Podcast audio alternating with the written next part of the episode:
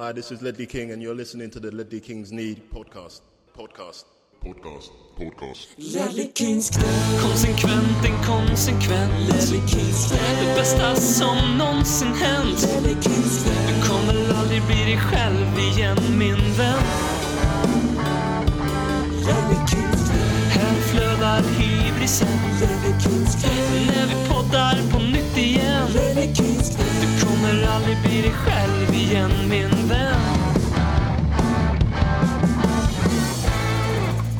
Den 19 september 2021 var en mycket mörk dag i Tottenhams historia. Eh, både för att eh, klubbens bästa målskytt genom alla tider, Jimmy Graves, eh, gick vidare samtidigt som hans, båda hans lag, Englands lag i alla fall, eller London-lag, jag tror han även gjorde en vända i West Ham när karriären var på dekis. Gjorde upp i ett derby som vi alla vet vid det här laget slutade 3-0 till de onda, helt enkelt. Om det här var en Star Wars-film så hade det varit Luke Skywalker som blev strypt till döds av Darth Vader istället för tvärtom. Eh, Om det här var en Harry Potter-film så hade det varit Lord Voldemort som träffade Mavada Kedavra när Harry var ett år och han inte överlevde.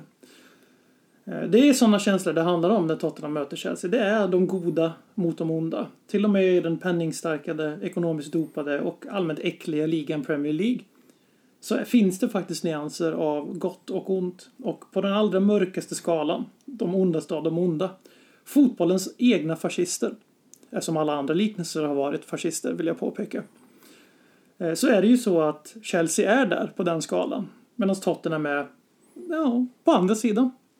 Ni kan också tänka höger och vänster om ni vill, så får vi in det tidigt i avsnittet också.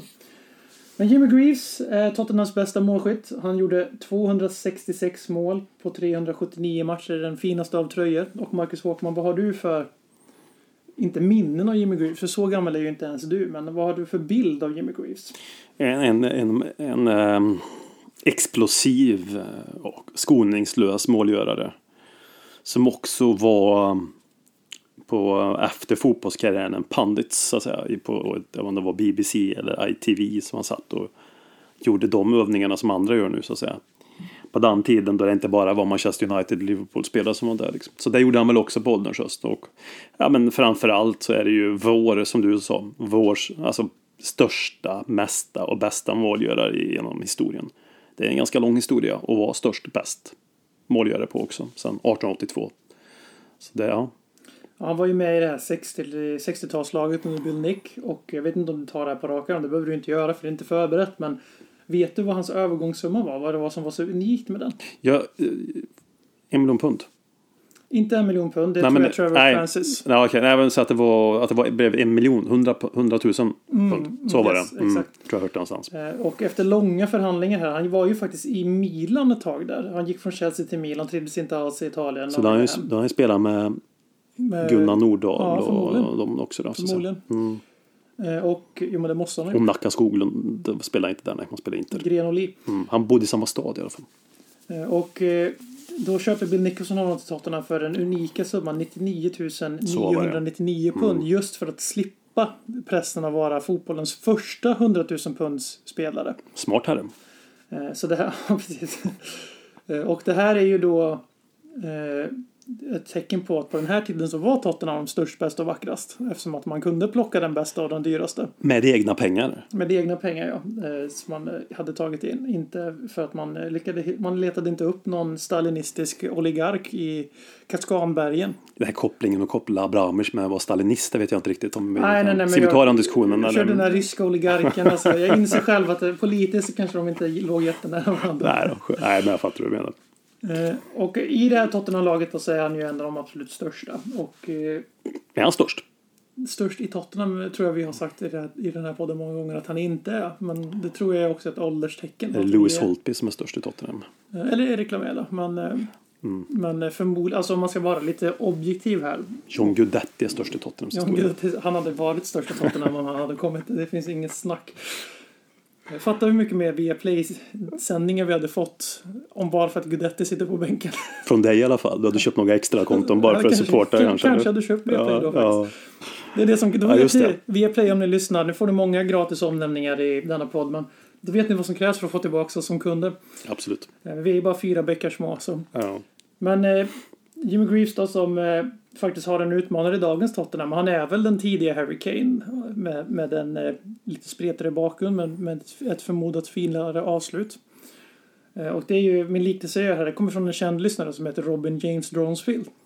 Eh, och han frågar om... Har vi fått en lyssnarfråga där eller? Ja, vi har fått en lyssnarfråga. Ja, jag skojar. Och han frågar ju om Kane är ju näst bästa målskytt nu och med hans eh, nuvarande målsnitt så kommer han ha gjort 16 färre mål än Greaves när han når 379 matcher. För Kane har gjort 230, 223 mål på 342. Mm. Så han behöver alltså upp i målsnitt för att eh, klå Greaves på 379 matcher. Yes. Eh, Men frågan är om du, Marcus Håkman, tror att Harry Kane kommer att göra ens de här 44 målen som krävs för att han ska bli klubbens största målskytt genom tiderna. Han är ju redan våran mest europe... Våran, våran spelare med flest europeiska matcher, i tror jag. Passande han fick ta den titeln med en Europa Super Conference Superliga också där. Men, men nej, men det kommer han ju inte hinna. För han gör väl ett år till Harry Kane, tänker vi. Eller? Det här är sista säsongen, ja, och eh, då så kommer det förmodligen inte att räcka. Han kommer ju inte göra 44 mål den här säsongen. Kan ju, 42, eller 44 kvar måste det vara. Han har gjort två. Eller, i, ja. mot, eh, mot FC Bondpojkar i... i Vi börjar, vi börjar med att komma upp till tvåsiffrigt den här säsongen känns det som just nu. Mm. Eh, Så det här avsnittet då är ju inte så dedikerat till Jimmy Greaves för det är ju ingen som blir hedrad av att dedikera sitt avsnitt till Ledley Kings knä. Men vi ska göra en sista grej som minne av Greaves. Och det är att vi ska utse Hall of Fame, tröjor nummer 8, 9, 10 och 11. Och det gör vi av en anledning. Vi gjorde det här under bejublade feedback förra veckan. Men eh, då utsåg vi vilka som bar tröja 1 till 7 och nu ska vi utse tröja 8 till 11. Och då tar vi tröja nummer 8 först och den ger jag direkt till, till Greaves. För att han är främst känd för att spela till 8 när Han är det alltså? burit väldigt många andra nummer. För på den här tiden var det ju inte riktigt lika varumärkesbyggande att ha en vissa tröjor utan det var ofta positionsbaserat. Som det är Burnley fortfarande. Som det är Burnley fortfarande. Eh, är det någon annan du tycker förtjänar att nomineras på tröja nummer 8? Ja, jag tror vi kan veta vem det är möjligtvis. Paul Gascoigne. Paul Gascoigne, jaha, han ja. Mm, jag hade trott, hade trott du skulle säga Jermaine Jennings. Nej, jag har aldrig förtjust i honom riktigt. Vad har vi fler för åtta? Just nu har vi Harry Winks. Timo Tainio, hade han nummer åtta? Eller han nummer sju? Sex va? Och nummer sex han hade. Ja. Du vet nummer du säger i efterhand. Svag man är på att Man, komma ihåg det. man, man märker det. Man är, man, är, man är usel, är inte sagt. Man- Vem har nummer åtta nu liksom? det är Winks. Är Wings, ja. Han hade 29 innan. Han är ju omtyckt bland alla nu, så han kanske många vill ha. Är det inte Ja, så? det är riktigt ikonnummer Tottenham. The Greaves, Gascoigne, Winks. Hass, hackkycklingarnas hackkyckling, Harry Kane. Eller ja, Harry Kane, eh, Harry Wings menar jag förstås. Men det ledet är liksom Jimmy Greaves, Paul Gascoigne, Harry Winks. Ja. det är nästan taskigt. Nej, men hade han nummer åtta så jag, hade, inte- ja, jag trodde han skulle ha det. så här traditionellt. Ja, nu vet inte jag. Ja, du menar Greaves nu? Ja, Greaves, ursäkta. Ja, att han, han skulle sitta inne på, ja men du vet, traditionellt nummer åtta var väl en, tänker jag väl en, ja, en annan position där och då. Eh, Den där var ju- listan jag hittat så har han spelat i tre av numren som är med i dagens eh, Hall of Fame. Vad modern han var redan. de Det är lite för modernt redan där och då. jag. Han var också 99 999 kronor, pund spelaren. Ja, ja, det är fint. Eh, nummer nio då, vem vill du ge nian till? Varför sa han röst i mitt hjärna Andy Cole? För han har för fan aldrig haft nummer nio i Tottenham. Nej, men i United Newcastle kanske han hade det va? Vad hände där? Ja, ja det är Berbatov då. Jag fan kommer inte på någon som Ja, men han, måste, han hade nian va? Ja, men jag känner ju inte han. Jag har aldrig varit Berbatov-fan. Jag borde vara mer Berbatov-fan än vad jag är. Men jag kommer inte på någon nia. Det var som nummer sju. Jag kan inte komma på. Eller nummer sex. Nu vi spelade in det förra veckan. Nummer nio. Vem har haft nummer nio i vårt lag? Gordon Jury minns jag. Gareth Bale förra säsongen. Två träningsmatcher före han bytte till elvan hade han ju nio också. Ja. Du missar ju en superklar här. Ja, det är det jag menar. Jag- Super Pavlyuchenko hade väl Ja, kanske? där kommer han ju. Givetvis, det finns ju ing, det är ingen konkurrens. Det är klart att den enda, den enda ryska spelaren i Tottenhams historia tror jag. Kan vi ta det på nytt igen? Vi låtsas som vi inte spelar in det Ja, vi, vi segmentet. klipper bort liksom. andra. Ja. Så, klippt. ja, nej, men Roman Pavlyuchenko får det bli. Absolut. Eh, Rebrov kanske hade också nummer nio. hade han säkert. På tal om... Han, han var ju ukrainare va? Det finns ju en viss historisk Det fanns ju, där. han är född, de är födda i samma land därför. Förmodligen ja. Ja det är de ju. Ja. Det är de ju. De är ju födda före muren föll. Ja, Eller före, ja absolut. Eh, nummer 10. Då är det Jimmy Greaves igen. Mm. Men det finns ju faktiskt lite konkurrens här. Många av våra största målskyttar genom tiderna av någon oförklarlig anledning har spelat nummer 10. Ja, eh, Gary Lineker. Hade Ja, du tio? ja, om han hade 10 så förtjänar ju han omnämnas. här. Han var inte med på listan jag tjuvkikade på men han är ju definitivt där uppe. Teddy. Teddy, Sheringham, Mm. för de yngre lyssnarna. Jag vill dock säga att Gary Lineker får inte vara med på min lista för att han verkar identifiera sig mer som Leicester-supporter tycker jag. kan man ju köpa ändå. Nej, jag, jag, jag vet inte om jag gör det. Nej, nej, men det är rätt. Det är rätt. Jag vet inte, man ska vara hård. Det ska man vara. Eh, Sen har vi ju självklart eh, Harry Kane. Som fram till juni 2021 förmodligen hade varit odiskuterad som klubbens största. Nu är han liksom... Den procent, alltså den, I protest så kommer jag inte liksom... Nej, nej, nej, han är inte med på min lista heller. Utan etta på min lista är ju självklart Robbie Keane. Ja, nej, men det Anledningen, till att, anledningen till att jag är Tottenham-supporter och anledningen till att Ledley Kings knä i förlängningen då finns är ju för att Robbie Keane har spelat i Tottenham. Så Ja. put some fucking respect on his name. Så var det sagt för den här veckan också. Är han irländare? Han är irländare. Ja, okej. Och han har spelat i sin boyhood club, boy, boyhood club hela karriären. Han har ju bytt ett par gånger. Det har alltid varit ny boyhood club. Har han Alltid ny boyhood. Han hade, ju, han hade ju en svag period när han sa det om... Men var han boyhood i Tottenham? Sa han det eller? Han Nej. sa ju det när han lämnade Tottenham till Liverpool. Och Då- sen, så, och sen så gjorde han ju bort sig och sa samma sak när han gick till Celtic. Men jag fattar Celtic förstår jag ändå kopplingen med, med Irland och Celtic. Är, Ja, inte, han, är inte han väldigt vanlig liksom? Han är ju också finns- Mm. född när Liverpool var skitbra. Så den, och det sen var det ju det här att Dublin, som vi sa, det jag sa förra veckan, som var typ 98% av anledningen till att jag var fingra på Everton och Mm. Liverpool, men de avfärdade vi ju snabbt på grund av sekten. Även om egentligen båda klubbarna är rätt sympatiska för Premier League-mått mätt. Men- men Staden har ju också sin lilla Ja, historiska charm tyvärr. Den kallas ju för Second Capital of Ireland och eh, eh, Dublins backside eller backyard. Men tyvärr så finns det svenska Liverpool-fans som förstör allting det här. Ja, det nej, så? men det hade, man hade ju valt Everton bara för man gillar ju lite motström. Man gillar ju att vara den här fisken som simmar mot strömmen. Så man hade ju valt Everton om man valde fotbollslaget. idag och var 100%. tvungen att Ta, ta, om man nu var hamnat i ett scenario där man var tvungen att ett välja ett Liverpool-lag, två ett Premier League-lag. Mm. Då hade man ju tagit Everton. Det är inte ens en diskussion. Och tre, de har Duncan Ferguson fortfarande kvar i läget. Precis. Eh, Så det är Kino. Vill jag bara, bara, det här är inte körschemat, men kan du din Harry, Harry Kane, sen, Robbie Keane historia, hans, vart, han, vart han började sin fotbollskarriär? Och sen gick han till, Coventry, och sen gick han till, Inter. vem var tränare i Inter när de köpte han? Åh fan. Åh. Jag vet inte riktigt om jag kommer ihåg Var det heller. Roy Hodgson? Jag tänker att det var det, och därför frågar. Jag, alltså ett av mina första minnen med Robbie Keane, det var där kärleken började, var att han spelade det ökända Champions League-kvalet mot Helsingborg. Han var med den matchen. Jag tror det. Det här kan ju vara sån Då när Rikoba missar straffen Ja, mot Sven Andersson där ja. Mot eh, San Siro och Sven. ja. Men det här, här kan ju vara en sån här klassisk grej som människors minnen funkar. Att jag har, kan ha adderat honom jag till tror, den matchen. Han, jag, vet, jag minns ju honom, så gammal är jag, när han slog igenom i Coventry när han var 18 år. Och det var då 98 någonstans, va? han är född Mm. 80 va. Och så han gick rätt ungt därefter, efter en jävligt bra säsong i Coventry till Inter. Så det kan nog stämma, för de spelade Champ- Champions League-kvalet 0-0, eftersom de vann allsvenskan 99. Alltså, Mm. Ja, men jag, tror, jag tror det. Men det kan vara sån där jag tillrättalägger, tillrättalägger saker för att det ska passa in i narrativet. Vart hämtade han, vad hamnade han sen då? Eh, sen är det väl Tottenham då? Efter Inter? Ja, nej vänta. Nej, Nej, det är det inte. Vi köper ju honom från... från... Ja, det här... Åh, gud. Det här Fan, du har ju smackat in de tuffaste Ja, men det här, får jag, det här måste ju... Är det Leeds? Ja. Leeds, Tottenham. Och sen har han ju Tottenham väldigt länge. Det är ju Mm. hans klubb. Och sen efter Tottenham så då jävlar går det undan. Då är det Liverpool i ett halvår. Väldigt bra lånedeal och liv där. Oh, ja.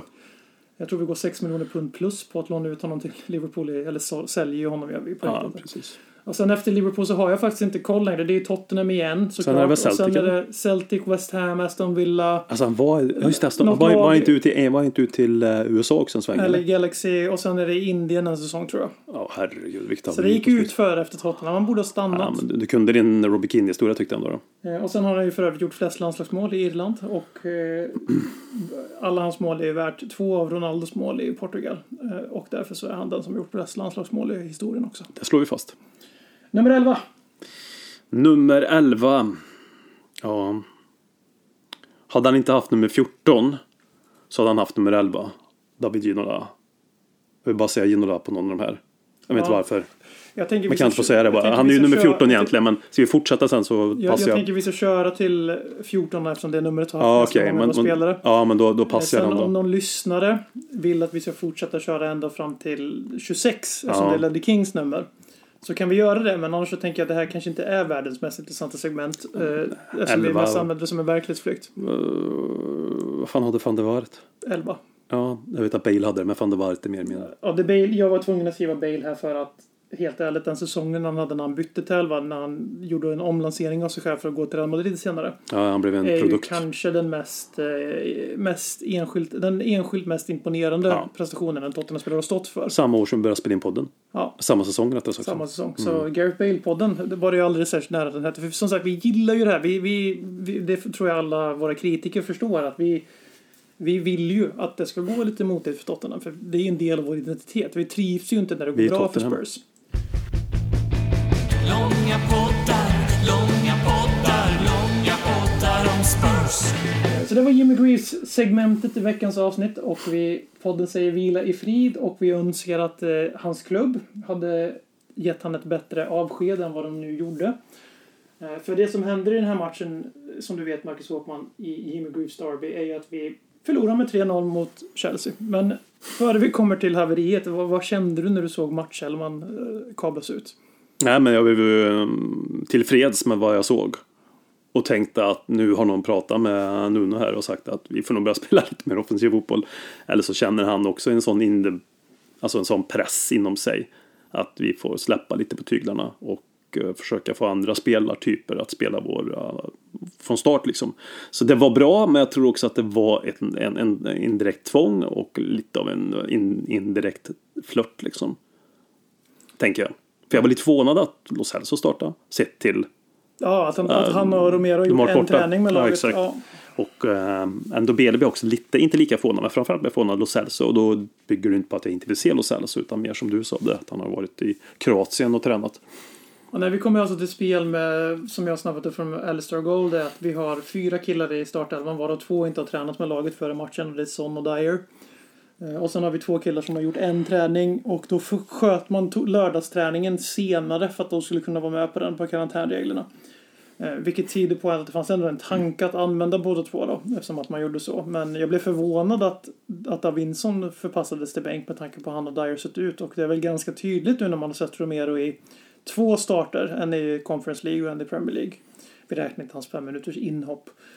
Eh, så, så har han ju så har han ju visat sig vara en ganska aggressiv och offensiv mittback. Han är ju en man-man-spelare egentligen. Alltså jag tänkte på Atalanta, det var ju mycket ja, ja, men aggressivitet. var, ja, så, ja, absolut.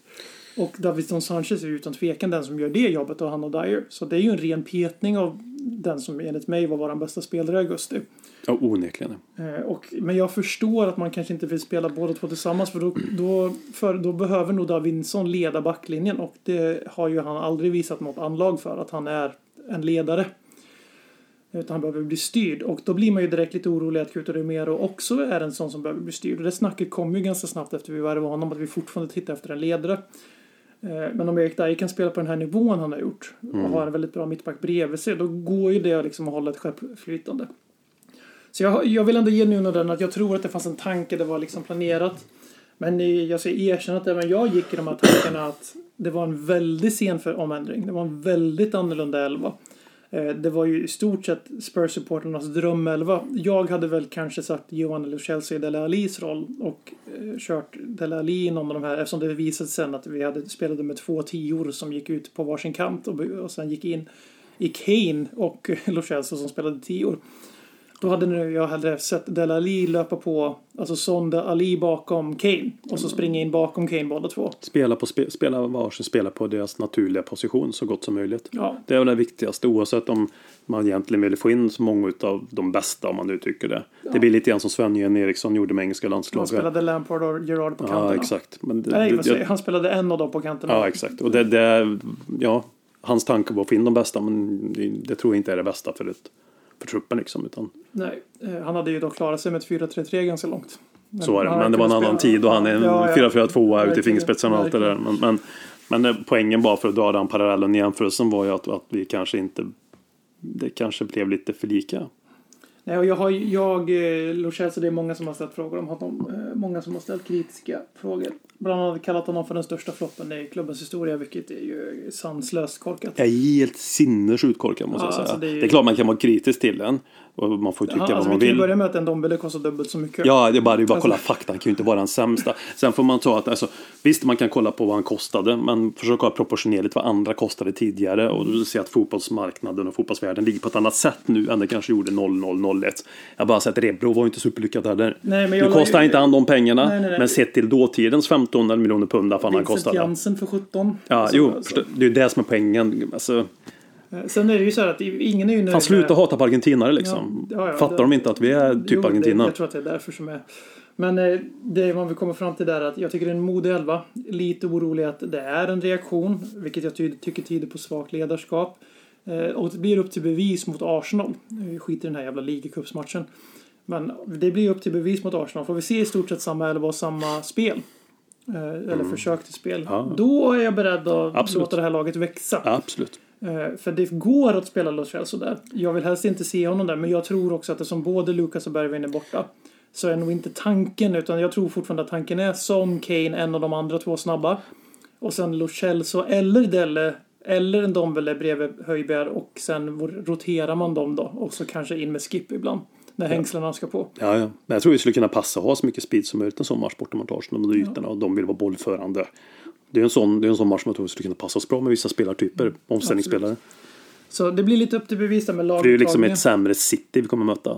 Sett Ja, till hur ja, man vill spela fotboll liksom. Manchester City C. Absolut. Ja, och jag menar, absolut. vi behärskade Citys spelsystem på ett bra sätt. Nu var det första omgången och allt det här, men jag, ja, Men det, jag antar att du var rätt nöjd de här första halvlek som enligt mig är våran mest imponerade halvlek eh, efter City i premiären. ja, absolut.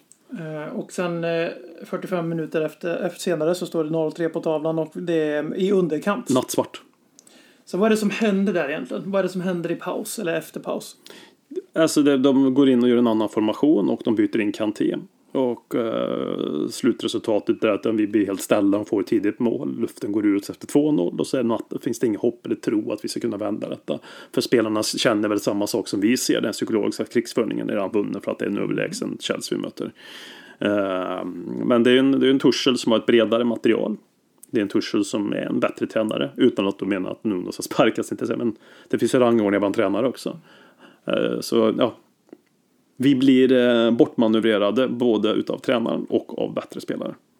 Och det, var så, det var så jäkla deppigt att se Tottenham göra den insatsen. Inte få ut så mycket. Det är nog, vi, har ju två, vi har ju två farliga chanser varav en slutar med att Son springer in i Kepa. Mm, just det. Där Lo Celso och Ndombele kombinerar båda gångerna för att hitta det läget. Mm. Eh, Och så har vi Reguilon till Lo Celso som han borde skjutit. Men eh, i andra halvlek, alltså det... Ja, det är en hörna. Det går kanske inte riktigt att försvara sig mot att man får hörnor emot sig tidigt i andra. Men Han är ju så jävla trött på att släppa in mål på hörnor också. Va? Fem minuter in i andra halvlek så får ju Chelsea en hörna och de har redan tagit över matchen bara med Kante och formationsskiftet så, så har Ja, ja. ju de neutraliserat Så det var chocken. inte, det var inte 1-0 mål under hörnan som gjorde det utan Nej, nej, nej. Det hade redan börjat. Det var ett 1 målet blir den här käftsmällen som gör att våra killar inte reser sig. Och sen vill jag säga att eh, alltså före 2-0 så kändes det nattsvart. För att ja. det var som att Chelsea tryckte på en knapp. ja, det var Och, så eh, äckligt att se. Och eh, Tottenham var så långt ifrån att kunna dansa med det här laget så att Eh, så att nu är det väl inte så många av våra lyssnare som sitter med titelambitioner längre. Det, det skeppet seglade med Maurizio Pochettino. Eh, och kanske egentligen lite före om man ska vara helt ärlig. Men eh, det är många Tottenham-supportrar tror jag som har gått in i säsongen med en tanke, en hopp, ett hopp om att en fjärde plats är möjligt. Så det funkar lite också. Ja, ja, absolut. Och vi är tillräckligt inom striking distance för att det ska liksom Ja, vara alltså, möjligt. det Om, kan om gå- Leicester kan vinna ligan, Ja, liksom, klart som fan vi kan bli fyra, men Hoppet finns väl lite grann utav Liverpool och så kanske lite grann, inte för att vi ligger i närheten av Uniteds elva och de ska vara i toppen tycker jag. Men de har Solskär liksom. Jag tror att det är lite Mm. Ja, men det gör- de det- faktorerna det som går- gör det går City och Chelsea är nog Ja, ingen som eh, Det är realistisk. Men man hoppas ju, det är hoppet liksom. Det är, vad fan är supporterskap annars? Det är klart man måste hoppa. Och vara lite naiv ibland Ja, inför en säsong. ja, det som är tråkigt där är ju att City är det laget som har för, för, först poäng och de, och de har 10. De andra har alltså det- tagit mer än 15 än Det, 10. det kommer aldrig hända liksom. Så topp 4 känns ju stendött. Ja, ja. Det som 100%. var riktigt deppigt var ju verkligen att få den här. För det, det, är väldigt, det är fortfarande väldigt ovanligt. Det har blivit vanligare de senaste 18 månaderna och eh, den här veckan. Mm. Eh, Men det har blivit, det är fortfarande ganska ovanligt att Tottenham går in i en match i Premier League och är helt, helt chanslösa och är på liksom en helt annan nivå än sitt motstånd. Mm. I, I negativ bemärkelse. Eh, Det har blivit vanligare på senare tid men klasskillnaden här var liksom så total så att eh, man Alltså, jag, tror inte jag, jag tror inte jag kände en stark känsla hela andra halvlek. Det var bara uppgivenhet. Deprimerande. Fullständigt deprimerande. Jag menar, vi pratade lite innan och vi kommer tänka på det. Det är klart att minnet, vi har ju blivit spelade förut av Chelsea. Jesus Ja. Christ. Vi förlorade med, vi förlorade med 7-1 minns jag någon gång på 90-talet. Och Toran de Flo hade liksom lekstuga. Det fanns ett program som heter Tipslördag. Det är bittert. 7-1. Ja, men vi- André Flo har lekstuga. Ja. Ja. Det är mörkt. Det var mörkt. Men alltså, vi har ju även haft sämre lag än Chelsea innan. Betydligt sämre lag än Chelsea innan och stått upp mycket bättre än vi gjorde nu. Det var också sättet vi viker ner oss på. Den mentala liksom kollapsen av att bara vända sig över och tillåta sig bli trampat på någonstans. Och den här uppgivenheten som, som, som det blir liksom, hopp, vart är ryggraden lite grann? Nu vet jag att vi låter väldigt så här stereotypiska, jag pratar om ryggrad och stå upp, men, men Det är, det är den som är lite skrämmande. Man kan förlora och så kan man förlora. Men här, här gav de upp också. Också delvis att Chelsea, alltså, Chelsea hade vunnit ändå. Men jag fick ett intryck utifrån matchen jag såg. Att, att eh, det liksom, pff, luften gick ut och de accepterade att luften går ut. Och alla elva liksom fann sig inom citationstecken i det. Det ja, Det var en statistik som lyftes i vår chattgrupp Pärlets Pågar eh, som eh, var att vi hade dragit på oss fyra frisparkar i antingen hela matchen eller andra halvlek, förmodligen andra halvlek. Medan Chelsea drog på sig 15. Eh, och där är om vi tar tillbaka till Pochettinos Glory Days i Tottenham. Så om det var någonting vi var jävligt bra på, att vi var väldigt fula. Alltså vi, vi spelade Ja. cyniskt. Eh, vi spelade en bra fotboll när vi hade bollen, men när vi inte hade bollen då var det stoppa motståndaren som det gällde. var, var ju ett aggressivare pressspel också. Liksom. Ja. Eh, Och så såg det ju ut i första halvlek. Då var vi aggressiva. Absolut. Vi pressade väldigt högt. Eh, Vi hade till och med Son som striker och Kane och Lo bakom som sagt för att eh, Son skulle springa första press, Lo i andra press. Eh, Mm. Och eh, Kane skulle vara den som fångade upp boll, bollmottagaren antar jag tanken var. Och det förstår jag. Jag kan absolut köpa att Kane droppar när vi inte har bollen. Eh, ja, men I sådana här matcher där man förväntar sig Ja, kanske. för Son är bättre på att pressa än Harry Kane för att han har en helt annan speed och en intensitet som inte Kane behärskar helt enkelt. Och det är inget konstigt. Eh, Det som blir, det som blir lite beklämmande är att se hur, att vi inte orkar. Och där, där kom ju Nunos första to there's to do ögonblick och bet honom i arslet rätt ordentligt. Det var Ja. ju när det blev smärtsamt tydligt i andra halvlek att Lo Celso hade bara 60 minuter i Ja, benen. Och blir Bel hade som vanligt bara 60 minuter i benen. Och vi bytte till och med ut Romero i slutet för att, för att han inte klarade 90 minuter. Så det var ju en chansning. Och hade Son inte gjort en första, dålig första touch när Lo Celso spelade in honom, då är det 1-0. Eh, Chelsea måste upp lite. Vi Ja. kanske kan gå över och lägga oss på lite rulle som vi har varit ganska bra på under Mourinho och ännu bättre under, under Nuno redan. Eh, Eftersom vi bara sett en match med det på riktigt och där var vi riktigt bra. Och vi skapade flera må- målchanser mot Wolves också när vi låg på rulle. Även om vi blev Speciellt i andra smiskade av Wolves jämfört Ja, ja. med City. Ja. Eh, Så att, ja, det, det är alltid små marginaler och 3-0 eh, kanske kan kännas om man bara ser första, om man ser första halvlek och går tar en paus och sen ser andra halvlek, då tror jag man blir chockad när man ser ta, resultattavlan. Mm. Men när matchen är slut så är det 3-0. Det, det är väl, blir väl ett ganska rättvisande resultat eftersom att vi kanske förtjänar att leda med 1-0 efter första sett till spel. Men vi förtjänar ju att förlora andra halvlek med 4-5-0 och då kan man ju kvitta det på 0-3. Ja, men det är. Ja, jag blir så deprimerad när jag ser den här liksom, uppgiven, som jag upplevde det, uppgivenheten bland spelarna. Liksom. Ja, verkligen. Det är för den tidigt. som är, ja men det var fan gå fram och kötta, gå in och ta lite ansvar. Alltså ta ansvar för att du inte vill bli utspelad. Och då menar jag i attityd, att man går in och, och går in och eh, jag vet att det här låter så väldigt enkelt. Man går in, går in och klipper en jävla snubbe liksom. Men gå in det gå in, finns men jag menar, det. det. Alltså det finns någonting det ska i det. finnas det är vad där. vinnarlag gör. Det är vad vinnande lag gör. Och, nu ska jag fortsätta, jag ska ha som tema i vår podd nu att jag alltid ska liksom referera till Roy Keane. Jag gjorde det förra podden, var det inte det förra podden? Ja, ja. Roy Keane var inne på det med nya liksom, husgud när det kommer till fotbollskunnande. Liksom. Han var inne på det. Nej men skämt åsido, men just i det här fallet håller jag med. Nu tog använde jag honom som referens bara för att skoja till det lite också. Men, men, att, men liksom Harry Kane, ja visst, det blev ingen flytt till City. Och nu man hör man rätt många säga i efterhand, vi borde acceptera. Nej, vi borde inte acceptera. Nej, för vi fick inget marknadsmässigt bud. Nej, så oavsett, acceptera. oavsett vilken, vilken säsong Harry Kane gör, oavsett hur lite mål eller eventuellt om man går dåligt, så gjorde vi rätt. Mm. Vi ska inte sända ut signaler att komma och ta våra spelare för den och den summan. Det är, så nej, vi gjorde rätt. Och Sen kan det kosta oss mer. bestämmer vi prislappen. Exakt. Annars så kommer vi snabbt vara tillbaka till att vi måste sälja Keane och Berbatov sista dagen av fönstret och ta in. Fraser Campbell på lån. Exakt. För det, visst kan det kosta oss sen till nästa, nästa säsong att vi säljer för det som vi tackar nej till. Ja, men då är det en annan situation. Mm. Jag tycker vi gör rätt oavsett vad. För att markera om inte annat. Men han måste ju också, jag menar inte att han bör göra mål, men han måste ju också steppa upp lite. Torka tårarna. Acceptera att du befinner dig här nu i klubben. Är Jag det- han är alltså landslagskapten. Jag kan inte förstå. För Ja, men jag blir provocerad när jag ser en, en sån jag här hoppar match. in på din poäng nu. Ja, jag nej, misstänker nej. att den kommer in på att han, han visar ingen ledarskap. Nej, noll procent. Eh. Han visar ingen ledarskap. Han har ju, alltid, han har ju inte alltid varit en ledare som skriker och gormar. Men han Men han, har alltid, Keane. han har ju alltid visat ledare genom att spelat. Eller hur? Det gjorde han inte i den här matchen. Exakt så. Och när talismanen på det sättet inte visar smittar av till alla nya som inte visar det också. På något sätt. Alltså det ser inte Men han en hierarki, hunddörr Precis fram. som det finns i ett klassrum eller på en arbetsplats. Det är hans familj. ansvar. Det finns en hierarki. Om Exakt. man är på semester med sin familj och man är den som har, eh, man, har den, man är den som har koll, man är den som har bokat, man är den som är bekvämast med språket.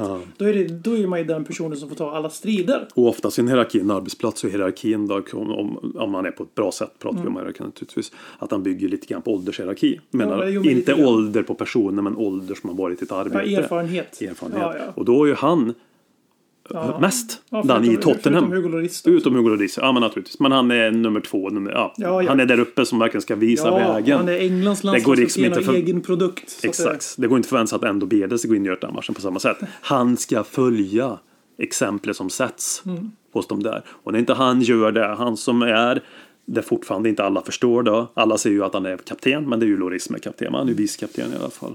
När man inte ser den biten heller. Visst, torkar inte gör mål, man inte ser den biten. Och så adderar man ju in då allt som har varit i somras. Och irritationen blir ju kraftigare för att man bäddar ju in det som är en orsak till varför han inte visar det som han borde visa. Med löpmeter, attityd på planen, ta för sig, kämpa oavsett hur illa det ser ut. Nej, det ser inte alls bra ut. Det är inget bra... Det kan, det kan bli ett år, oavsett om man inte... För, även om man är kvar sista året i Tottenham, så kan det bli ett år som förstör ännu mer för en i slutändan. Ja, jag- förväntar mig inte att han ska skjuta oss till Champions League, men förväntar mig att Harry Kane ska vara Harry Kane med professionalismen och attityden mot Tottenham och respekt mot klubbmärket och sina supportrarna. lagkamrater. Ja, ja. Men han visar ju inte alls det i den här matchen tycker jag. Ja, På ett det- sätt jag inte sett tidigare. Så. Det man blir lite orolig för här, förutom det där, för jag håller med till fullo, att eh, han tar inte tag i matchen. Han, eh, han eh, har varit en icke-spelare än så länge. Han brukar ju starta svagt. Nu Ja, har vi fått lite kontext Absolut. på det för att han tycker ju tydligen om att ha lite längre semester. Det gjorde han förra säsongen också och kom inte fit till säsongen. Eh, Det är väl förmodligen som vi pratade om förra gången att det är eh, ett medvetet val. Nu tänk bort transfersoppan där för i år var det en annan karaktär på det. Ja, ja. Även förra sommaren då tydligen. Ja. Men eh, att han har ju haft det i ganska många år, att han kommer lite tung. Jag tror att han kör den här nordamerikanska sportgrejen, att man spelar så mycket matcher på kort tid så man går ner i vikt och därför går man in i säsongen lite tyngre, framförallt i hockey då, för att du, du kan inte hålla vikten när du spelar 82 matcher på ett halvår. Nej, du får ju äta som en... Ja, och så att du går in lite tyngre än vad du är, borde vara. Och, sen så, och, det, är min bild av Kane. Eh, Det jag blir li- lite, till att börja med så är det väldigt själviskt, men det har ju gett ganska bra resultat. Så det är svårt att hänga honom för det. Men det man har ett ansvar för, även om man har en dålig dag på jobbet, är att man, att man bidrar på något sätt. Man kan inte alltid vara sitt bästa jag hela tiden. Och det har inte Harry Kane varit än och det är inte hans fel. Det här är en lagsport och Ja, ja. om alla andra pusselbitar är värdelösa så kommer du också drabbas av det. Han är inte Lionel Messi. Eh, Som även han har sämre dagar på jobbet, men han har ju en viss förmåga att han kan ta bollen på mitt plan och så kan det smälla. Det är ju två olika spelartyper. Liksom. Ja, och eh, det man blir, vi har, under sommaren har vi sett tre, eller fyra, vi har fyra väldigt välrenommerade spelare med stort rykte, höga prislappar. Eh, En eh, visade eh, lojalitet och kärlek till klubben och förlängde, Jong Min Son. Av de här fyra jag kommer nöja nu, nej, nämna nu så är han ju helt klart den med minst ledarpondus. Vi såg i den dokumentären att han har lite mer pondus än vad man definitivt trodde innan då när han rök ihop med Loris. Minst pondus i Tottenham trodde han hade innan. Mm, Det, sen ångrar man sig lite. Sen är det ju Loris som till no fault of his own. Han har, in, han har utgående kontrakt. Han är 37. Eh, Jag tror att han lämnar. Jag tror han är 35. 35, okej. Eh, Han, eh, han kanske lämnar. Jag tror att det blir så. Mm. Tror jag också. Och han är upp, också någon som växte med dokumentären när man såg att han är definitivt ledaren i omklädningsrummet. Det syntes inte på planen så mycket eftersom han är målvakt, men han är ledare. Och nu får jag avbryta. Jag bara säga att vi har ju suttit i den här podden och innan den här dokumentären och Framförallt allihopa. Robin har suttit i den här podden. Ja, precis. Och sagt att, att man, men Loris ska inte vara ett, För att han är så, det här du vet, mm, ja, den bilden han ger på planen. Men efter man såg den dokumentären. Ja, men det, verkligen. Alltså på riktigt. Ja, alla måste ju unisont bara, ja, han är kapten. Ja, fan, är kör. kapten, fan. Det är ingen snack om saken. Eh, Man förstod varför han var mest, vä- världsmästare lagkapten. Eh, Om Ja, säger så. Ja, ja. Eh, Och han har ju inte förnyat sitt, eh, sitt kontrakt och vi vet inte ens om han har ett kontrakt framför sig. Vi vet ingenting om det. Men det, det är också så här, han vet vi inte riktigt vad hans framtid är. Kane har vi redan dragit 140 gånger. En Dombele är absolut ingen ledare. Men han är likt eh, förbannat en av dem. Han är enligt mig den näst mest talangfulla spelaren i vår trupp. Borde kunna vara vår tredje bästa spelare på regelbunden basis. ja, ja. Eh, Han är klubbens rekordvärvning med råge. Vi har ett helt gytter med spelare som kostar runt 30 millarna. Och Lo Celso är en av dem, Soldado, Lamela och Reguilon och alla andra som vi har köpt sedan 2014 i stort sett och är, det, är det, i det gittret. På tal om det här med att prislappar ska också egentligen vägas mot inflation och så vidare. Ja, exakt. Eh, en Dombele bryter det mönstret ganska kraftigt och kostar dubbelt nästan. Eh, han har i två år i rad, han har bara varit här i två år och ett kvartal i stort sett. Han har velat lämna båda somrarna han har haft efter att han har spelat en säsong i Tottenham. Han har velat gå till en större klubb. Han verkar ha, det rapporteras ju om att han kanske inte ger det bästa och första intryck till tränare eftersom att en av de första grejerna han ville lämna. Han frös, han frös alltså ut ur truppen nu. Det verkar börja, börja bli ganska tydligt eftersom han direkt kom in i värmen igen när fönstret stängde. Ja, de hoppas väl bli av med helt enkelt. Ja, och då blir det ju det här att om vi har, för våra, det är bara, om ni kommer ihåg när Moussa Bele var som bäst. Då sa varenda spelare och ja, motståndare som att han var den bästa spelaren i Tottenham på träning. Eller den bästa, och den svåraste motståndaren. Eh, Ndombele är ju den nya killen nu. Som alla våra spelare säger är den bästa spelaren på träning. Omöjligt att ta bollen ifrån. Vilket betyder att han har en viss status i laget. Även om han inte är en ledare, för det har jag väldigt svårt att se. Eh, Men vi säger att han, han har i alla fall en status i, i laget som är ganska hög. Han vill bort. Kane vill bort. Loris har utgående kontrakt. Och helt plötsligt så är det inte för mig så jäkla konstigt att vi ser ledarlösa ut. För att de andra spelarna fattar ju precis som vi förstår att Tottenham är just nu i en uh, brytpunkt. Och beroende på den här säsongen så kommer det bli ganska tydligt om vi, om renoveringen som är, vi har pratat om också är rätt tydlig med yngre spelare in, äldre spelare ut. Vi har försvagat truppen på papper i slutändan tills motsatsen bevisas i framförallt då mittbackarnas fall och även då Gill istället för Om, Lamela. om du fick välja någon kaptensmämne, vad skulle du få in i Tottenham? Det är för, för, så, av de vi har. Nej, utav det som finns. Ja, nej, för de vi har då är det ganska tydligt att det är Eric Oannonserad Dyer och, fråga, eh, men- Ja, jo, men om det finns någon utifrån- ledarna, men Ja, jag tror Erik Dyer har ju det materialet i sig. Han har ju den här lilla pondus. Höjbjerg kommer bli nästa kapten om både Kane och Lloris försvinner. Eller kanske Son om vi, alltså om vi väljer någon här lite mer prestige-kapten. Men det- borde inte de då, Höjberg och Dyer, de här kunna visa ett större... le- tycker jag alltid gör det. Jo, jo, men alltså att, Alla att, att, att, i alla fall. att de är så pass mycket ledare på planen så att de också ska kunna smitta av på andra. Det är där, där är problemet. För de båda två, det syntes ju mot Chelsea. Det var ju de två. Vi såg Höjberg Mm. domdera och peka och peppa på som fan i första halvlek. Som han alltid gör. Vi hade Dyer som läxade upp Royal efter noter efter något halvtaskigt ingripande. Och eh, får till och med eh, re- repliken då i, via mm, att eh, efter att han blev utskälld av Dyer då har han steppat upp rejält. Vilket jag tycker var skitroligt. Eh, Men de två, precis som alla andra, de, de, de, de, fa- de falnar i andra halvlek. Och det är för att laget går ner sig. Det är jobbigt psykologiskt. Men vi, vi har ingen som... Jag, jag tycker inte vi har en enda spelare kvar i och med Erik Lamelas uttåg. Och det här är menar jag helt seriöst. Det är inte någon sån här rolig haha Erik Lamela-runk. Nej, Utan nej. sen Erik Lamela lämna och Lukas också vill jag påpeka. För de, de två var de enda spelarna i stort sett som alltid 110. Spelar fan ingen roll om det stod mot Manchester. Bayern München. Ett ikoniskt ögonblick i Lamelas historia i Tottenham är när vi, jag tror vi släpper in, om det är antingen 5-2, för jag tror vi tar igen till 4-2. Det är antingen efter Bayern gör sitt femte mål eller deras sjunde mål i den matchen när vi förlorar med 2-7 hemma. Ja, Danje. Mm. Eh, Och och hämtar bollen i nätet med kolsvarta ögon och på väg till mittlinjen direkt och bara nu spelar vi, nu jävlar. Medan alla andra går inte att grina på plan i stort sett. Samma trupp som gick till Champions League-final säsongen innan. Ja, ja, ja. Nej, men vi Eh. behöver... Vi har inga sådana killar, som svar på din fråga. Vi har inga. Eh, Och Men vi har ju ändå några som skulle kunna vara en mer tydlig. Vi har ändå pratat om Dyer, vi har pratat om Höjberg. Jag menar, de, de är ledare, men vart är de när det blåser? Jag tror de försöker vara där, men där Ja. är det för dålig på fotboll för att han ska få respekten nej, det, jag köper den aspekten Och inte, absolut. gör trots allt bara sin andra säsong. Ja. Det känns inte som, och det är ju ett positivt omdöme för hans ja, ledarskap. man har ju spelat mer matcher än Fisa som gjort på fem säsonger. Så, alltså, ja, och menar jag inte, han menar jag inte Lamela Nej, utan men han bara spelade mer generellt matcher förra säsongen när han spelade varenda minut i Premier League än vad Lamela samlade ihop Och han, på två säsonger och han fortsätter att spela nu. Men, men ja, ja, jag hör vad du säger. Men, ja. Eh, Så vi har pratat inte jättemycket om matchen. Vi pratat större och eh, större frågor som du märker och här blir det lite ledarskap. men i slutändan så förlorar ju nazisterna andra världskriget. Så vi hoppas på sak med Chelsea också. Eller? Det är det vi drömmer om. Yes. Eh, Vi har en till stor match på gång. Det är derbyvecka, söndag till söndag. Och för att peppa upp lite extra inför den här matchen så ska jag rabbla av lite siffror här på Tottenhams säsong under Nuno Espirito Santos. Fakta är att efter fyra omgångar, fem, fem omgångar, så, vi, så är det bara tre lag som gjort färre mål än oss. Vi har gjort tre. Så det är inte så jävla svårt. Nej, Är nej. det fortfarande Arsenal va? För de har bara gjort två. Ja, sant ja. För de har gjort, vunnit två 1-0-segrar här nu med... Mm.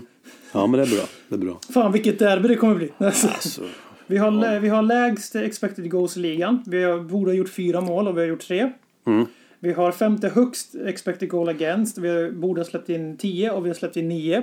Nej, 6 sex har vi släppt in ja. eh, Mm. på två matcher. Eh, Och eh, vi har, vi har skapat för minst stora chanser. Alltså tänk, tänk Sons målchans. Den är värd ganska mycket expected goals även om man tofflar bollen in i kepa för att han gör en dålig första touch. Men det är ett friläge klassificeras det som att det är en farlig zon.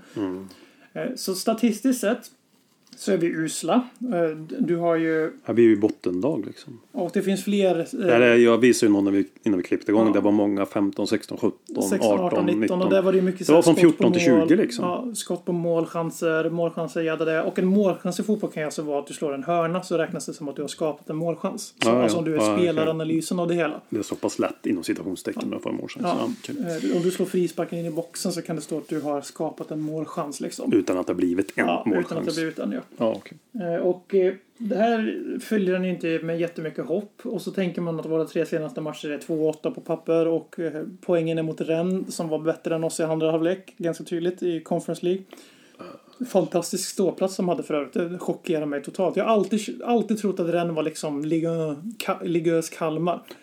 Charmig liten stad, bra unga spelare. Nu vet jag att det inte är så längre i Kalmar. men De hade ju en viss period där med Elmarna och kompani som var rätt bra i egen generation. Ja, ja, Så absolut. jag har alltid sett liksom, det är random, så här, unga spelare, bra akademi, mellanmjölk som fan, inget tryck alls, så här, sittplatspublik där alla dricker, Häcken liksom. eh, Och Kalmar. kaffe latte, ja men sådana lag. Mm. Och så hade de världens, världens jag, jag satt ju nästan bara och lyssnade på, och titt, och lyssnade på ståplats och tittade på ståplats. Jag var ju helt ointresserad av matchen. Man börjar liksom ändå imponera. Så jag tänkt sista tiden, alltså ett par år nu, att Liga är ju inte när Liga följer, men de har ju bra supporterkultur alltså. Ja, verkligen.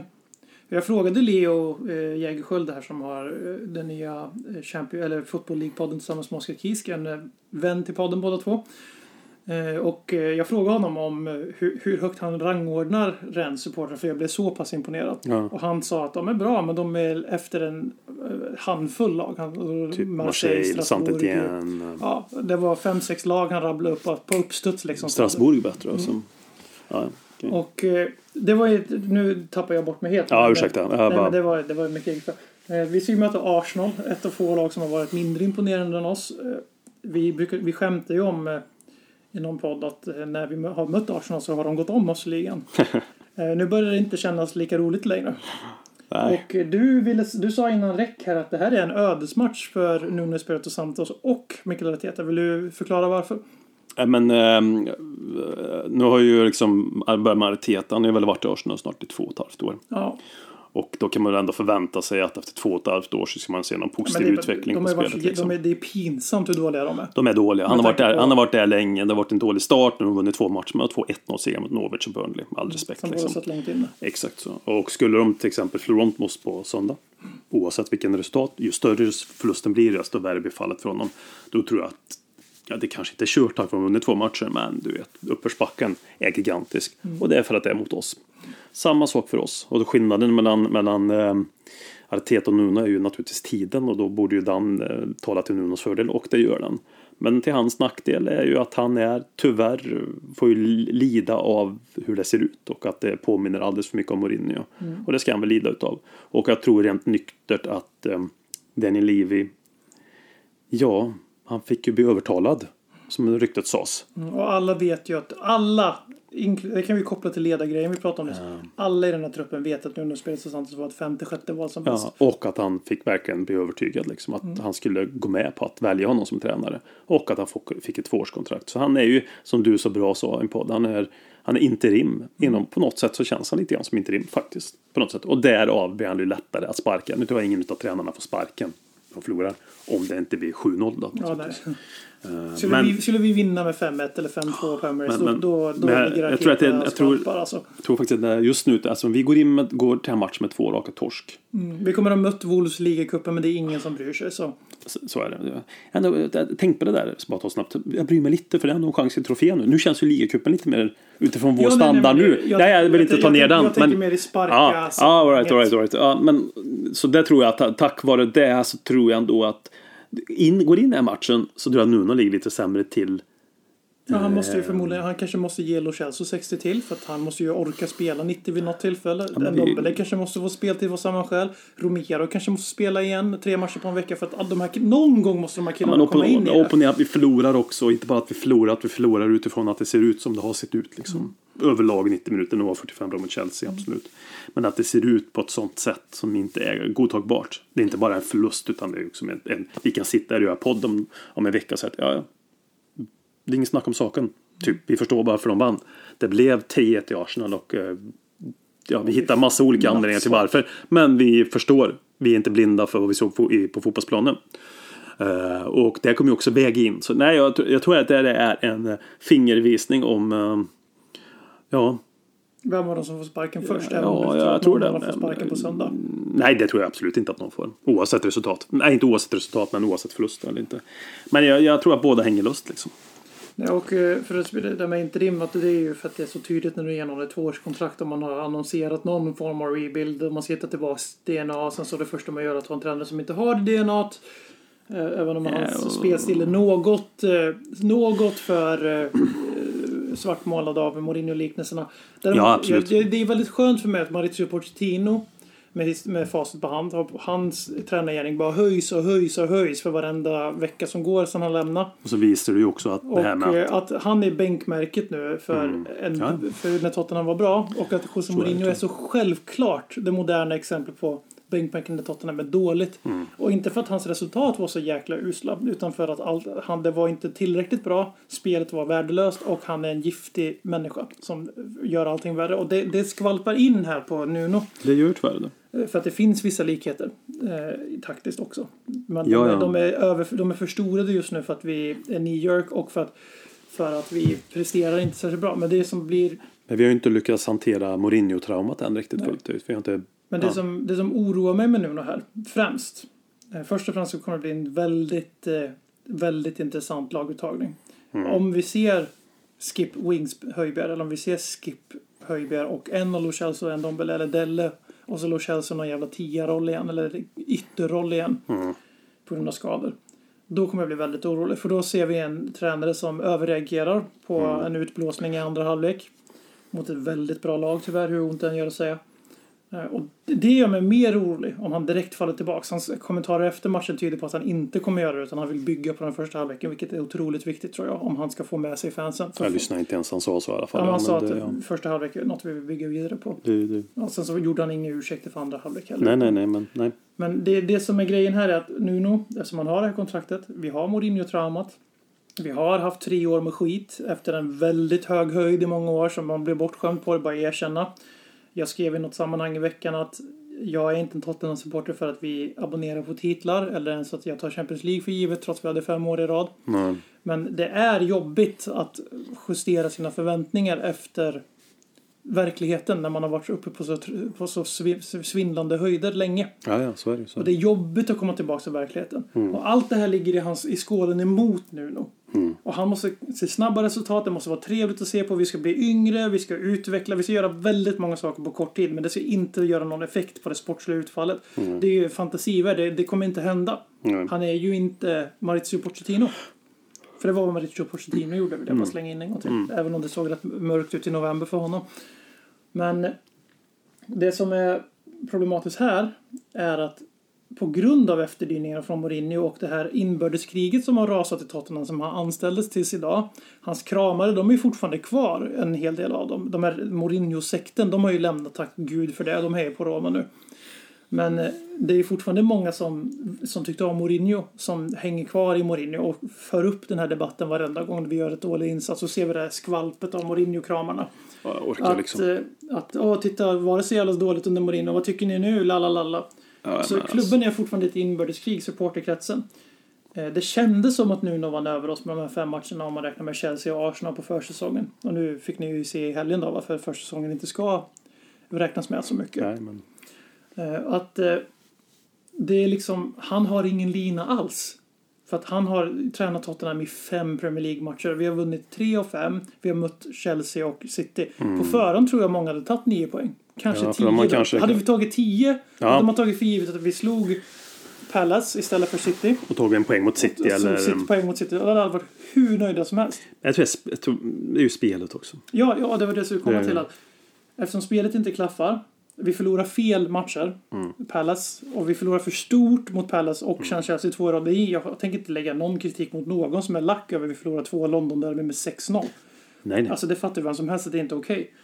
Eh, för vi ser lag som är mycket sämre än oss åka till Chelsea och förlora med 1-0. Inte Ja, ja. 3-0. Nej, nej, på bortaplan liksom. Ja, ja. Eh, Men att det är så mycket som liksom ligger i vågskålen mot nu. Från början så han får inte chansen att bygga någonting. Och jag är genuint orolig. Och inte så mycket för Nuno för han är inte särskilt fäst vid än. Han, han är eh för mig. Han är 3 och 5 mellanmjölk, okej äpple. ja, ja han, är, han är här och hälsar på. Ja, och det som jag är lite orolig för däremot på sikt, det är att det här kommer att bli att han jagas ut för att han inte vänder på det tillräckligt snabbt. Vi tar in en ny interim säsongen ut. Tränarsoppan börjar om i sommar. Vi har Paratici som uppenbarligen vill ha en annan typ av tränare och bygga en annan typ av trupp än vad Livi vill och det ska Paratici få göra. Men då måste klubben också börja pu- pusha ut det budskapet att nu bygger vi det här typ, nu bygger vi ett Juventus som spelar pragmatisk fotboll i alla lägen. Möter vi sämre lag då har vi bollen. Möter vi bra lag då utnyttjar vi deras misstag. Men för att nu när han ska komma dit så måste han över, hoppa över massa häckar. Och han har redan snubblat på två. Jag är ganska orolig på att om han gör ett faceplant även på tredje stora häcken här. Mm. Ja. Då kan det börja blåsa och så sitter vi där i november och eh, Ryan Mason ska göra sin andra session i klubben. Brad Ryan Mason, är är han vår nya interim som David Pleat var under många, många år back in the days? Det känns så om det skulle bli så. ja, om, det, om inte Conte går att övertala helt plötsligt då. Det var någon, som, någon annan podd som sa det väldigt roligt att vi kanske kan ta in honom nu när det inte är transferfönster för då kan han, kan han inte ruinera klubben. Ja, han lär inte komma liksom. Inte, om han, han Ja, jag har fått en jävla stroke. Tänk dig att Conte skulle ta över Tottenham och ligger 11 i ligan med sin fjärde tränare på typ två och ett halvt år. Och då kommer Conte bara nu vill jag ha så, går gubbarna. vi, så går vi och vinner Premier League. Nej, vi vinner ligacupen först och sen så Ja, nästa år Champions ja. Premier League. Så måste man låtsas att man gillar Conte hela livet. Så. Ja, ja, men skulle han göra det så kan jag väl acceptera vissa saker. Ja. Nej, men det där är ju en... ehm, Det är ju en... ehm, Ja. En verklighet vi lever inför det här. Men jag tror också någonstans det här med att vi...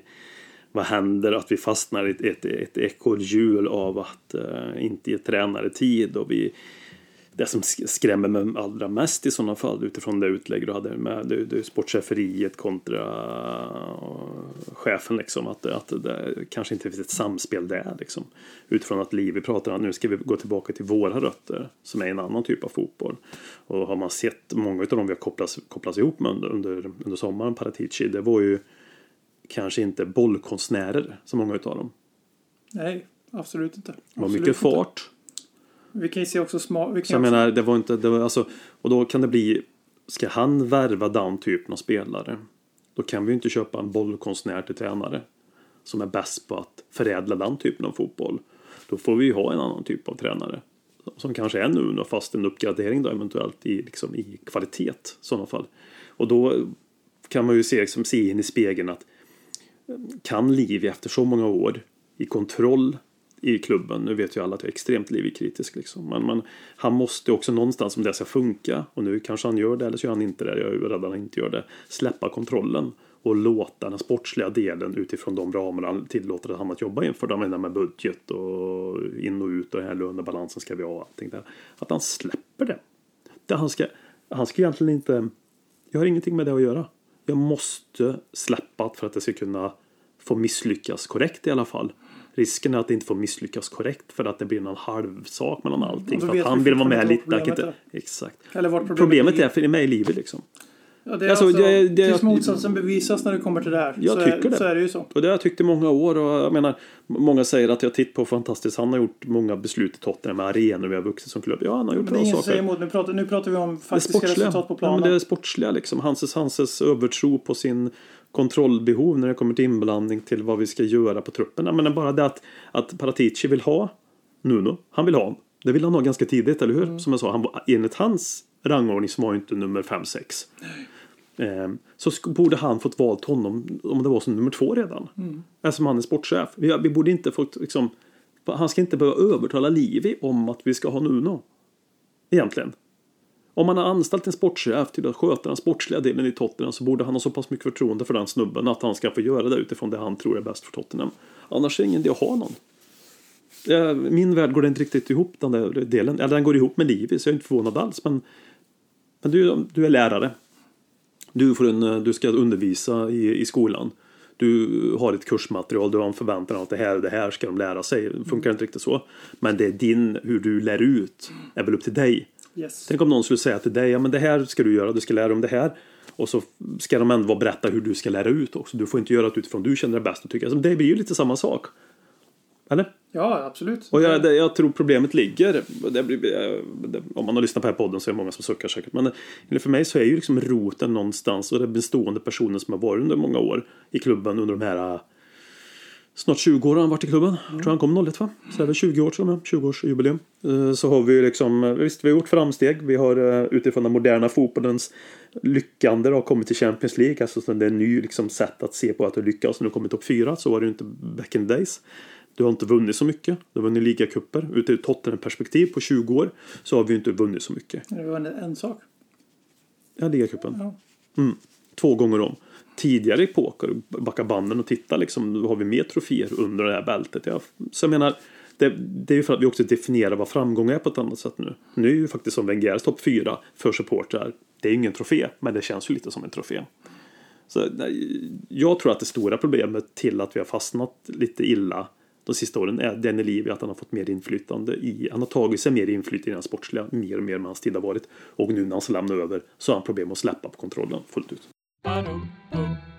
Billigare än knark Roligare än terapi Ledley Kings knä För den du redan är Men också för den du vill bli Eh, vi ska alldeles strax gå in på lyssnarfrågor. Men eh, vi behöver också bara snabbt avrunda den här diskussionen om, som du börjar komma in lite på här. Och det är ju, är vi verkligen bättre än så här va? Alltså för vi pratade ju, hela den här podden och snacket på Twitter och tränare hit, tränare dit. Vems effekt där, vems effekt hit. Eh, Men den stora frågan är kanske obesvarad. Är Tottenham bättre än sjua? Är truppen verkligen det? Ja, man kan ju sin egen trupp bäst så det kanske beror på att man inte kan de andra trupperna på samma detaljnivå och förhoppningen på Lo Celso och vad han ska lyckas med är större än vad kanske andra supportrar ser på Lo Celso i Everton till exempel. Så ja, femma kan vi väl definitivt bli, eller? Topp fyra? Nej, det kan man ju inte säga om man ska gå på trupp. Det kan man ju inte alltså, göra riktigt nej, nej, tycker nej. jag. Alltså, kollar, man på, Men, eh, kollar man på papper så är fjärdeplatsen en dröm nu. Nu Ja. är vi ju tillbaks i Sky Big Och det, och det bygger ju på att de andra klubbarna investerat mer än de har gjort på länge. Ja, de har ja, köpt bra spelare. De har tagit tydligare steg i Det är sin- bara har Liverpool som inte har gjort liksom. det, men de hade en högre hö- fallhöjd. Och de har fortfarande en väldigt bra spelare. spelare om man ser nu. och Ja, exakt. Så femma. Ja, femma är ju just nu objektivt så objektiv jag kan Sett vara. till när jag truppen mitt nu bara. Mm. Ja, så objektiv jag kan vara sett till Tottenham som mitt favoritlag då. Så är femma drömmen. Eh, problemet med att bli femma och sjua, skillnaden är ma- marginell eftersom du får ungefär samma pengar för Europa League som du får i Conference League och det är lättare att vinna Conference League. Kollar man på den turneringen är vi ju skyhöga favoriter tillsammans med Roma. Sen är Europa League ändå en eventuellt morot in. Ja, precis. exakt. Och sen, du- sen är det så här, rent sportligt skulle du vilja komma så högt som möjligt i tabellen, punkt. Ja, Europa League smäller det, lite det är ju femteplatsen. Och sen är det, förra året så blev vi sjua. Eh, Vårt sämsta resultat sen Rednap tog över mitt under säsongen. 08. Eh, Vi har fortfarande odiskutabelt eh, tre klassspelare på sina positioner i Hugo Lloris, Harry Kane och Jong Min Son. Vi har spelare som borde kunna vara klassspelare i Premier League i Tanguy Ndombele och Giovanni Lo Celso. Som man börjar bli mer och mer skeptisk till till båda. Även om eh, av helt olika anledningar. Ja, ja. Eh, Vi har en vänsterback från Real Madrid som, har varit med, som var med i spanska landslaget nyss. Vi har en högerback från Barcelona som har varit och nosat på brasilianska landslaget. Och jättebra i Betis i två år. Vi har en argentinsk landslagshärförare i backlinjen. Vi har eh, Dan, en av Danmarks bästa spelare i väldigt bra Danmark. Vi har eh, vi har även eh, väldigt lovande unga spelare i Brian Hill och Oliver Skip, Dane Scarlett. Så på papper, med mina ögon, så är det här fortfarande ett ganska slagkraftigt lag. Problemet är att de presterar inte och de har inte gjort det på väldigt länge. Nej, det är en extrem Så- underprestation på många spelare. Alltså. Så till slut så börjar man ju landa i att vi kanske inte är, alltså vi kanske överskattar så många. Sen när vi säljer Lo Celso till Sevilla eller Villarreal eller Betis går han tillbaka till. Då kommer han då växla upp igen för han kanske bara inte passar i Premier League. Det kanske aldrig var hans liga. Nej. Typ som Lamela som har gjort mer poäng i Sevilla på en kvart än vad han gjorde i Tottenham de senaste säsongerna. Men så kan det ju vara. Men det är ju inte så att vi köpte de här spelarna utifrån att de hade ett dåligt rykte eller dåliga Nej, säsonger. det här är, eller, alltså, menar, det, vi värvar ju på en helt annan hylla än vi gjorde Exakt. före Pochettino. Det Som- går inte ens att jämföra. Kolla Exakt. vad Pochettino fick in Vincent Janssen och Clinton NG. Han fick, in- han fick in Lo Celso och Ndombele samma år som han fick sparken. nej, du sa den där första namn tänkte jag, ja just det. Mm. Och så Vincent Jansson tänkte man, ja men det kan, Clinton, ja men det är en snabb bytte, kan bli något. Eh, nej men det, så jag, fan, det är det man känner alltså som, som um, när man eh, tittar att det, det, fan det finns ju, fan eh, det finns ju mer att ta av liksom. Höjden är, må- kan, den borde inte vara nådd i alla fall. Ja, och det vi kan komma överens om att de senaste dryga 18 månaderna, två år kan vi säga, så får vi med Pochettinos sista stapplande steg också. Så har vi en trupp som har underpresterat, sett till allas förväntningar. Många av de här killarna är ju fortfarande kvar i sina landslag, så ryktet är ju intakt. Så det är Tottenham som anses vara problemet ute i fotbollsvärlden snarare än spelarna själva. Ja, ja. Eh, För det är inga dussinlandslag de blir det ju. Copa-mästarna och det är danskarna som gick till semifinal. Det är Englands landslagskapten. Alltså det är liksom, och Brasilien. Det är det är inte Frankrike. Spanien, så- Frankrike. Jag menar, ja, det hör Så ju liksom. liksom. uppenbarligen finns det någonting där. Så jag tror att det är en kombination av många saker. Ett är att våra rivaler har vädrat blod. För vi, var, vi lyckades faktiskt abonnera, abonnera på topp 4. Det var ju vi och City som alltid var med. Och sen Liverpool i Och alla fall. Väldigt efter, välförtjänt. det. ja, efter Klopps första säsong så var, ju, då var det ju egentligen tre platser. Mm. Sen, var det ju, sen var det ju Chelsea eller United på den fjärde. Men det var så det var. Det var Chelsea eller United på den fjärde. Och sen hade Chelsea någon säsong där de vann och sen blev de sex. Alltså så som Chelsea brukar göra. Men de har ju vädrat blod. De har sett en chans att igen eh, lägga ett starkt claim på topp fyra och gö- ta tillbaka det som det var i början av sekelskiftet när det var samma fyra lag i Champions League hela tiden i England. Det var mil skillnad mellan fyran och femman. Eh, och det var oftast vi som var femman. Sen så började vi jobba långsamt, långsamt upp och femman och fyran började bli utbytbara med varandra. Eh, Och sen så sprängde vi med lite hjälp av Leicester, sprängde den här jävla topp fyra och så började man säga top, Big Six helt plötsligt. Fast Leicester fick inte vara med. Nej. Eh, Och nu är vi tillbaks i det där landskapet. Det är, det är Manchester United, det är Manchester City då som är ny- nya. För de fanns ju inte typ i stort sett när det här började. Nej, nej. De var ju, ingen, Spelar i de var ju inte Sky Big Four, det var ju Arsenal som hade deras plats. Spela League One kanske på den tiden. Och sen så var det Chelsea, och sen så är det Chelsea och så är det Liverpool då. Och de är ju, de har ju fattat vart vinden vänder hos oss och de andra seriösa på sikt utmanarna som är Everton på grund av sin storlek. Eh, Aston Villa kan bli det med ägaren och sin historiska storlek. Leicester är det på grund av sin sportsliga jävla välskötta förening. De kommer inte bli det på grund av sin klubbstorlek. Tappa men de- lite nu ändå.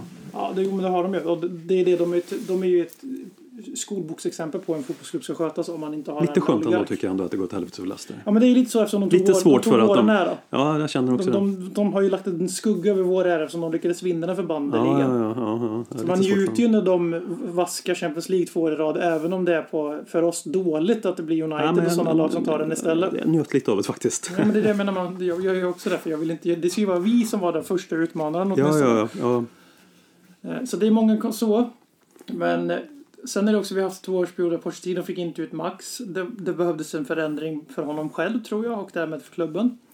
Eh, rösten var trött. Tränare, spelarna hade ledsnat. Han hade inte fått den renoveringen han behövde för att kunna... För det var ju det Ferguson alltid fick. Han fick ju skicka Beckham, han fick skicka Van Nistelrooy, han fick skicka vem fan som helst. För Och, det, och han hade det sportsliga ansvaret. ja, Man och han, fick, han bytte det. tränare och höll på. Allting för att han vet att hans röst blev trött. Så då måste man förändra i truppen. Det gjorde inte vi. Vi blev mätta, vi blev fega, vi blev tjocka. Och Man det litade kostade, på och det honom. kostade oss Pochettino. Ja, ja. Man litade på hans sportsliga kompetens liksom. Eh, Och sen hade vi Mourinho som, hur man än vrider och vänder på det, inte känd för att göra någonting annat än att kräma ut max och sina lag. Inte, inte växla, väx, alltså utveckla de här råa talangerna i Lo och, och Ndombele som nu har blivit två år äldre och inte blivit något bättre på fotboll. Och nu är ju nu någon, någon som kommer in med en, med en liten hybridrykte där att han kan både utveckla det han redan har och kan kan få ut max av en sån som Jimenez och ja, Adama Traore, Pedro Neto, både och liksom. Så jag ser det på papper, ser jag logiken. Men de tidiga, de tidiga resultaten är ju väldigt, väldigt mörka. Man blir väldigt orolig. Alltså, nej, förlåt inte. Alltså de prestationerna sammantaget sen Ja, det är ju nattsvart. eh, så blir man ju väldigt orolig. Och eh, jag tror att min slutsats är att vi är definitivt har möjlighet att vara Englands femte bästa lag. Men vi kan fan med lika gärna bli åtta. Ja, Eh, Det är West Ham som inte alls är närheten av oss på papper, men de har en tränare som får ut max. De är svårslagna. Det är Everton som man, någon gång måste ju deras eh, miljardbygge träffa rätt och det såg ju verkligen ut så fram till helgen här när de blev piskade av Aston Villa. Att, och Aston Villa är en till konkurrent på sikt. Jag tror inte riktigt det nu när de tappar Grealish, men de kan på sikt, de värvar bra. Tydlig idé. Och sen så är det ju självklart Leicester. Arsenal som en slumrande jätte i dess sanna bemärkelse, tyvärr. Eh, så det kan bli ett krig alltså om vem som spelar Europafotboll och om vi skulle missa Europa för första gången på eh, 15-16 år. Vi var ju väldigt nära att missa den i förra säsongen. Då kan det ju bli ganska svårt att äta upp det. För vi är ju en klubb som inte sköts på samma sätt som Leicester. Vi, vi accepterar inte vår plats i näringskedjan riktigt. nej, nej. Och vi bygger inte klubben så. Vi gjorde så under Pochettino och då var vi Dortmund, vi var Leicester. Vi byggde, vi sålde när det behövdes första åren. Walker är exemplet på det. Sen så slutade vi, för vi var så nära vinsten. Så vi slutade bygga vår klubb på det sättet. Vi behöll alla till vilket pris som helst. Alla ville vara i Tottenham. Eh, Kane skrev på ett nytt kontrakt som han ångrar bittert idag. Eh, och sen så tog vi in någon som skulle pumpa eh, elstötar i liket. Och sen nu tar vi in någon mittemellangubbe i en mittemellanlag, en mittemellanperiod. Eh, så Tottenham måste välja väg framöver. Antingen så behöver vi sälja klubben och ta in någon som pumpar in de pengarna som krävs för att mäta sig med de fyra stora. Eller de fyra största. Eller så måste vi ta helt och hållet sadla om till att vi är en klubb som vi tar in unga lånespelare, vi tar upp dem till en viss höjd och de absolut, absolut bästa de försöker vi hålla kvar, men alla andra som en Eriksen, han är 26, vi säljer honom för vi, vi, har, redan, vi har redan hittat hans 21-åriga ersättare i, i, i mittenlag i Bundesliga. Och då kunde vi lika gärna varit kvar på White Hart Lane och ha kvar det i alla fall. Exakt. Om nu ska, alltså det är ju det, nu, det är ju Exakt, också vi bygger, jätteviktig poäng. Jätteviktig poäng. Nu har vi kommit till den här 60k. Eh, Då, det handlar ju naturligtvis om att få mer intäkter och det ska men det- komma mer pengar skit till den- aktieägarna. Skit i den biten nu, för Nej. det, det, du, du har en annan... Nej men alltså då kunde vi lika vara kvar på White Hart Lane Ja. liksom. Om vi skulle ändå Ha kvar den identiteten, den arenan, den trycket, den närheten, bygga upp den fortet vi har där då. Skulle vi vara Tottenham fram till Pochettino tog oss genom glastaket, då hade vi lika bra kunnat ge fan i att lämna White Hart Lane. Vi kunde Ja. ge fan i att sparka Pochettino. Och vi kunde bara sålt alla när de var på sin topp. Ja, och haft Så, kvar... så som Arsenal gjorde i många år och ändå lyckades hanka sig kvar i fjärdeplatsen. Och i mina mörkaste stunder så tror jag att Danny Levis dröm, jag tycker han har gjort mer gott för klubben än dåligt. Om ett, sen så tycker jag inte han är en sportchef, kan jag sammanfatta, behöver inte ta den diskussionen igen. Nej, nej. Men ja, ibland när jag är som mörkast kring Tottenham, till exempel nu, då känner jag att hans dröm, eller Tottenhams dröm, det är att vara Arsenal. Att komma topp fyra år efter år efter år, halka in en FA-cup här, en ligacup där. Eh, brukade vara ett lag som var mycket bättre än så, men det har alla glömt bort nu för pengarna kommer in. Och varje år, utan undantag, har vi någon spelare som har gjort det jävligt bra i Premier League, som tycker sig vara lite för fin för Tottenham. Vi går från, den, från fjärde klubben i England till första klubben i England, i Manchester City i det här fallet, är Arsenal då. Och varje år så säljer vi spelaren till City, eller till Chelsea, eller United, eller Liverpool. Och så hankar vi på fjärdeplatsen, fjärdeplatsen, fjärdeplatsen. Pengarna ramlar bara in. Pengarna bara vräker in i Tottenham. Men vi ju använder dem inte till någonting. Och då kan vi lika bra skita i det. Om, om vi inte försöker vinna samtidigt som att vi ändå ska vara s- själlöst storlag. Mm, ja, ja. Vad är poängen med fotboll då? ja, det var mörkt. Vi avrundar med lite roligare saker. Eh, får se om eh, Klippnisse bjussar på eh, en jingel. Eh, mycket osäkert.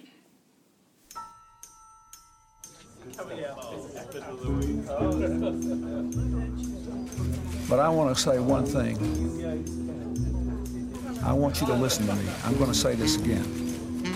I did not have sexual relations with that woman. Och jag kunde på rak arm konstatera en direkt lögn.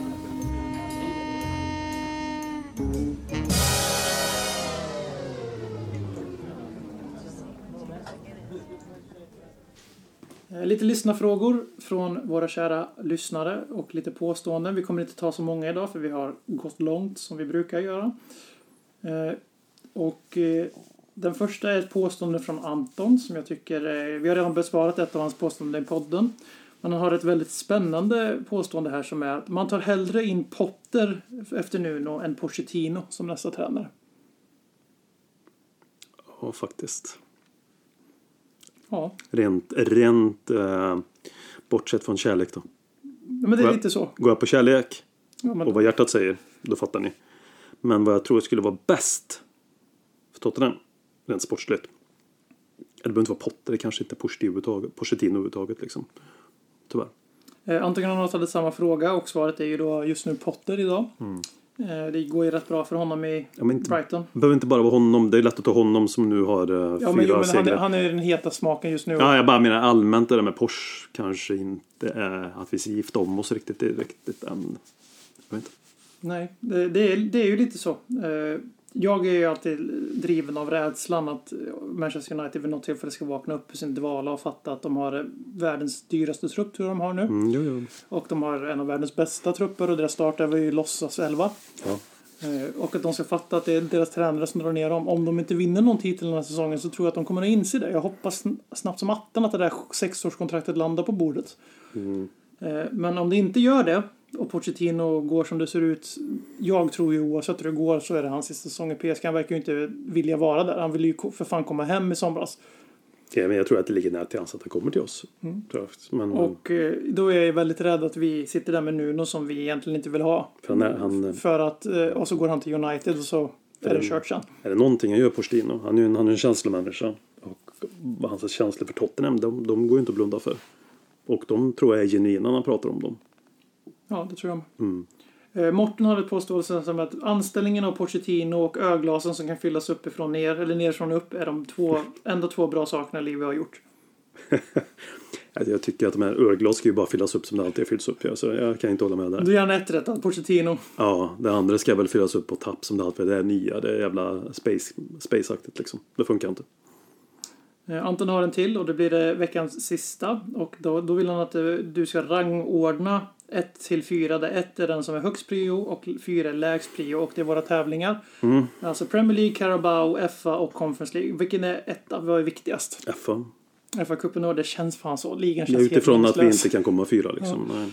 Ja, FA-cupen etta, Premier League, Två, eh, Carabao. trea kanske.